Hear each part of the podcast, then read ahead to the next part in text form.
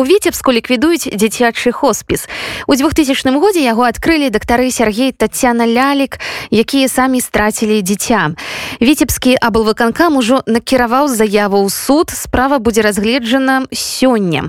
Рэжым не ўпершыню паўстае на такія ініцыятывы. Паўгода таму быў зачынены дзіцячы хоспіс у гродні а яго дырэктар ольга вялічка была вымушана ратавацца ад пераследу ў польшчы. І такіх гісторый на жаль десяткі пра іх кожны аўторак мы рассказываем у нашым эфіры вашай увазе праграма працэс праграма пра тое як пераследуюць беларусаў і як яны абараняюць свае правы.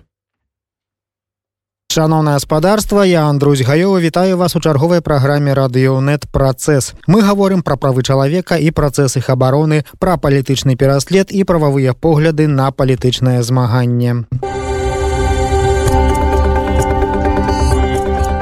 На пачатку крыху статыстыкі ад праваабаронцаў вясны. Гэтым разам лічбы звесткі пра палітычна матываваны крымінальны пераслед апанентаў улады лукашэнкі цягам 2021 года. Такім чынам, летась паводле крымінальных артыкулаў засудзілі не менш як 1285 чалавек. У іх ліку 234 жанчыны, 1051 мужчына і 9 дзяцей, якія не дасягнулі паўналетняга ўзросту. Найбольш папулярныя артыкулы паводле якіх судзілі людзей 342 групавыя дзеянні якія груба парушаюць грамадскі парадак асуджаныя 416 чалавек паводле 369 артыкула абраза прадстаўніка ўлады асуджаныя 344 чалавекі 161 чалавек пакараны паводле часткі другой артыкула 293 удзел у масавых беспарадках паводле артыкула 364 гвалту дачынення да супрацоўнікаў органаў унутраных справаў асудзілі 139 чалавек і 115 чалавек пакараныя за абразу адказу асабіста самога лукашэнкі паводле 368 артыкула Пры гэтым людзі прызначаныя асабіста лукашэнкам на пасады суддзяў стараліся з усіх магчымых у артыкулах санкцыяў абіраць самыя суворыя. Таму да пазбаўлення волі асудзілі 537 чалавек да абмежавання волі з накіраваннем у папраўчыя установы 305 чалавек да абмежавання волі без накіравання ў пенітэнцыярныя установы 379 чалавек арышт прысудзілі 29 чалавекам а штраф толькі 33 чалавекам найбольш актыўнымі ў палітычных рэпрэсіях аказаліся сябе расцейскія суддзі якія судзілі людзей вялізнымі групамі за тое што тыя ў жніўні 2020 года вадзілі на гарадскіх вуліцах карагоды. Такім чынам сапраўдным ударнікам карнай машыны лукашызму стаў Яўген брэган які адправіў за краты з палітычных меркаванняў 38 чалавек. Усяго на два чалавекі ад яго адстала вера філонік 33 чалавекі засудзіў Александр семянчук. 27 абвінаваўчых прысудаў вынесла людзям за іхнюю палітычную пазіцыю паліцыю і на клышпач сярод актывістаў рэпрэсійную машыны з іншых гарадоў вылучыўся так званы суддзя Дмітрый карсюк з менску які вынес прысуды 25 чалавекам калі скласці ўсе гады прысуджаныя з палітычных меркаванняў беларусам дык атрымаецца што рэжым хоча каб у турмах і калоніях нашыя грамадзяне правілі агулам 1992 гады. На так званых хіміях 673 гады праседзелі дома под наглядам карнікаў на хатняй хіміі 740 гадоў под арыштамі 6 гадоў і 310 тысяч рублёў штрафаў заплацілі на ўтрыманне дзяржапарату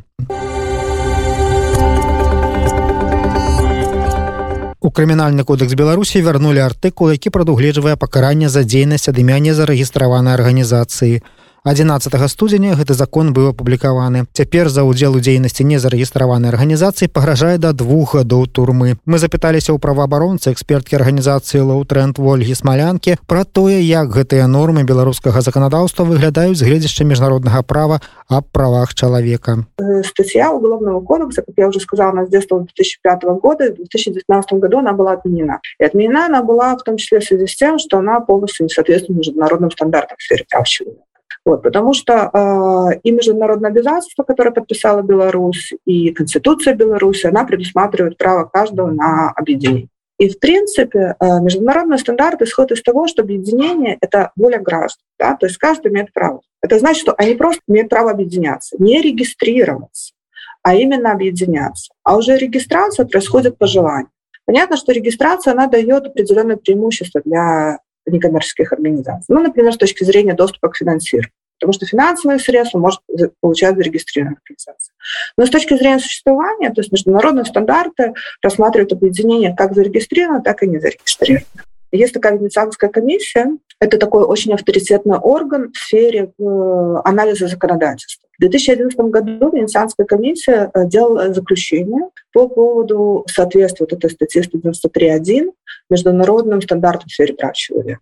По мнению вот этой вот Венецианской комиссии, которая опять-таки поддерживает все, данная статья абсолютно не соответствует международным стандартам в сфере прав человека. Прежде всего, эта статья ну, вообще-то нарушает Конституцию Беларуси.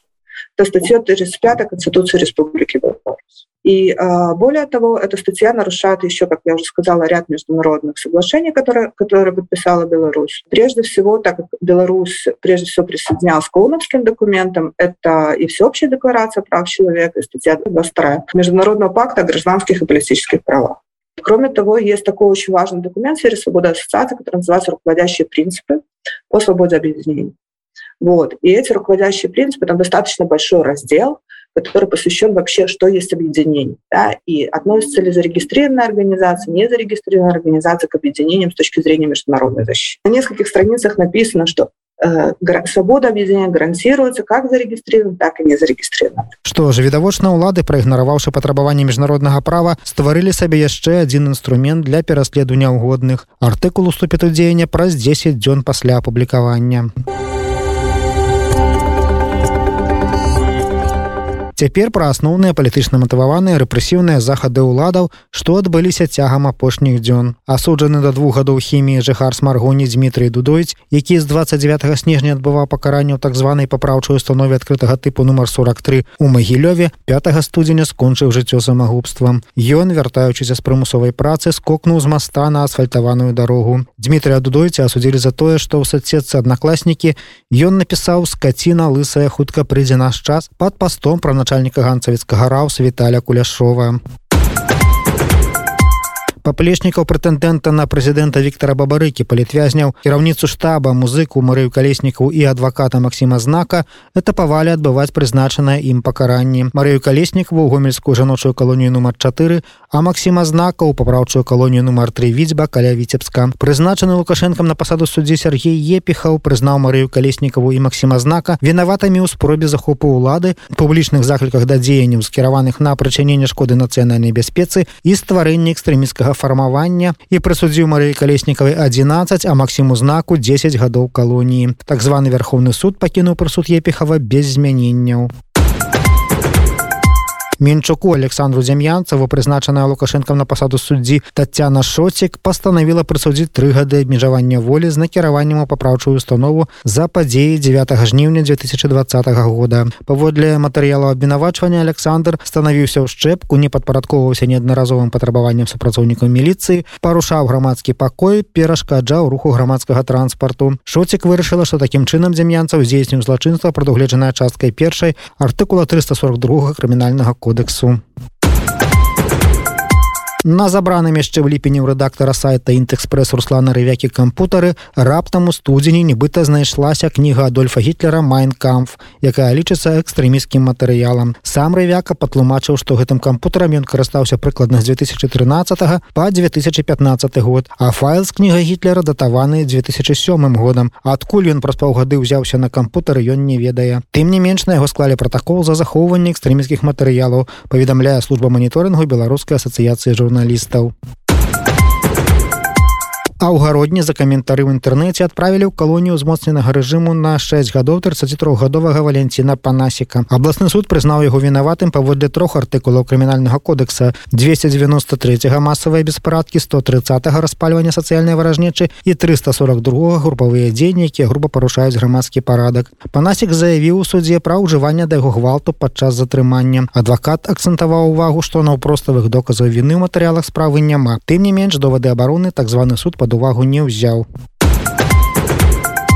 Прызначаная лукашэнкам на пасаду суддзі алена капцевич асудзіла да трох месяцаў гааптвахты жаўнера тэрміновай службы антона бароўскага. Капцевич прызнала яго вінаватым у тым што ён 10 па 11 жніўня 2020 года на праспекце пераможцаў у мінску удзельнічаў у несанкцыянаваных масавых мерапрыемствах выходзіў на праезную частку дарогі як азначаецца адным з доказаў вінаватасці абвінавачанага паслужылі фатаграфіі якія ён размясціў на сваёй старонцы ў сацыяльнай сетцы 23гадоваму гукааператару тэатра юнага гледача з менску кирылу салееву тры гады абмежавання волі з накіраваннем у папраўчую установу прысудзіла прызначана лукашенко на пасаду суддзі суда фрузінскага района сталіцы Наталля бугук. За тое што ён прайшоў у мірных матчах 27 верасня і 25 кастрычніка 2020 года па вуліцах менску яго абвінавацелі ў арганізацыі падрыхтоўцы дзеяння якія груба парушаюць грамадскі парадак і спалучаныя з непадпарадкаваннем патрабаваннем прадстаўнікоў улады альбо актыўным удзеле ў іх. Прызначаная бук пакарання запрасіў намеснік прокурора менска Дмітрый хаваўка. Ён жа прадавіў грамадзянскі пазоў на карысць прадпрыемства мінск транс амаль на 97 тысячаў рублёў. Пакуль кірыл салею вызвалены ў зале суда да набыцця прысудам законнага моцу і вызначэння парадку адбывання пакарання Расія ўсё ж экстрадавала ў Беларусь 25гадовага жыхара жлобіна Алексея падлобнікава нягледзячы на забароны еўрапейскага суда ў правах чалавека рабіць гэта. Такім чынам рэжым Пуціна ў чарговы раз праігнараваў рашэнне асноўнай еўрапейскай судовай інстанцыі ў правах чалавека. Падлобнікава абвінавачваюць у супраціве міліцыянтам у жлобіні пасля сканчэння галасавання 9 жніўня 2020 года. Яму пагражае Беларусі да сямі гадоў турмы першы прасуд у так званай справе Андрэя зельцара вынеслі ў магілёве 5 студзеня. Болей за 200 чалавек былі затрыманыя за каментары ў інтэрнэце у якіх яны выказвалі спачуванні падтрымку айцішніку які бараніў сваё жытло ад уварвання невядомых без формы і пазнавальных знакаў. Падчас абароны кватэры Андрей зельцар стрэлю з паляўнічай стрэльбы мужчын якія ўзламаўшы дзверы уварваліся ў жытло. Адзін з нападнікаў загінуў. Ім аказаўся карнік з падраздзялення кДБ альфа Дмітрий федасюк. 5 студзеня прызначаная лукашенко на пасаду суддзі татяна рахманенко асудзі прысудзіла 45гадовага магілёўца Александра Гаўрыленку да двух гадоў калоніі агульнага рэжыму і штрафу ў 100 базавых велічыняў за тры каментары супраць федасюка ў інтэрнэце.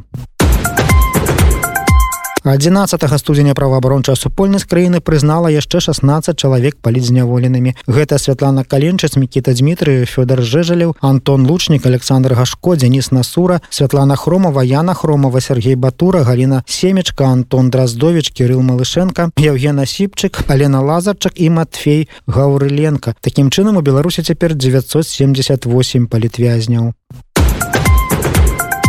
Ну і на пошак нешта з прыемнага пачалі выходзіць першыя палітвязні, якія ўжо цалкам адбылі прызначаныя ім карнымі органамі рэжыму лукашэнкі пакаранні. На тыдні трое палітвязняў апынуліся на волі. На гэтай больш-менш пазітыўнай ноце я Андрусь гаёвы пэўна з вами развітаюся. Наступны працэс слухайце праз тыдзень шансу і плёну вам. Жыве Беларусь!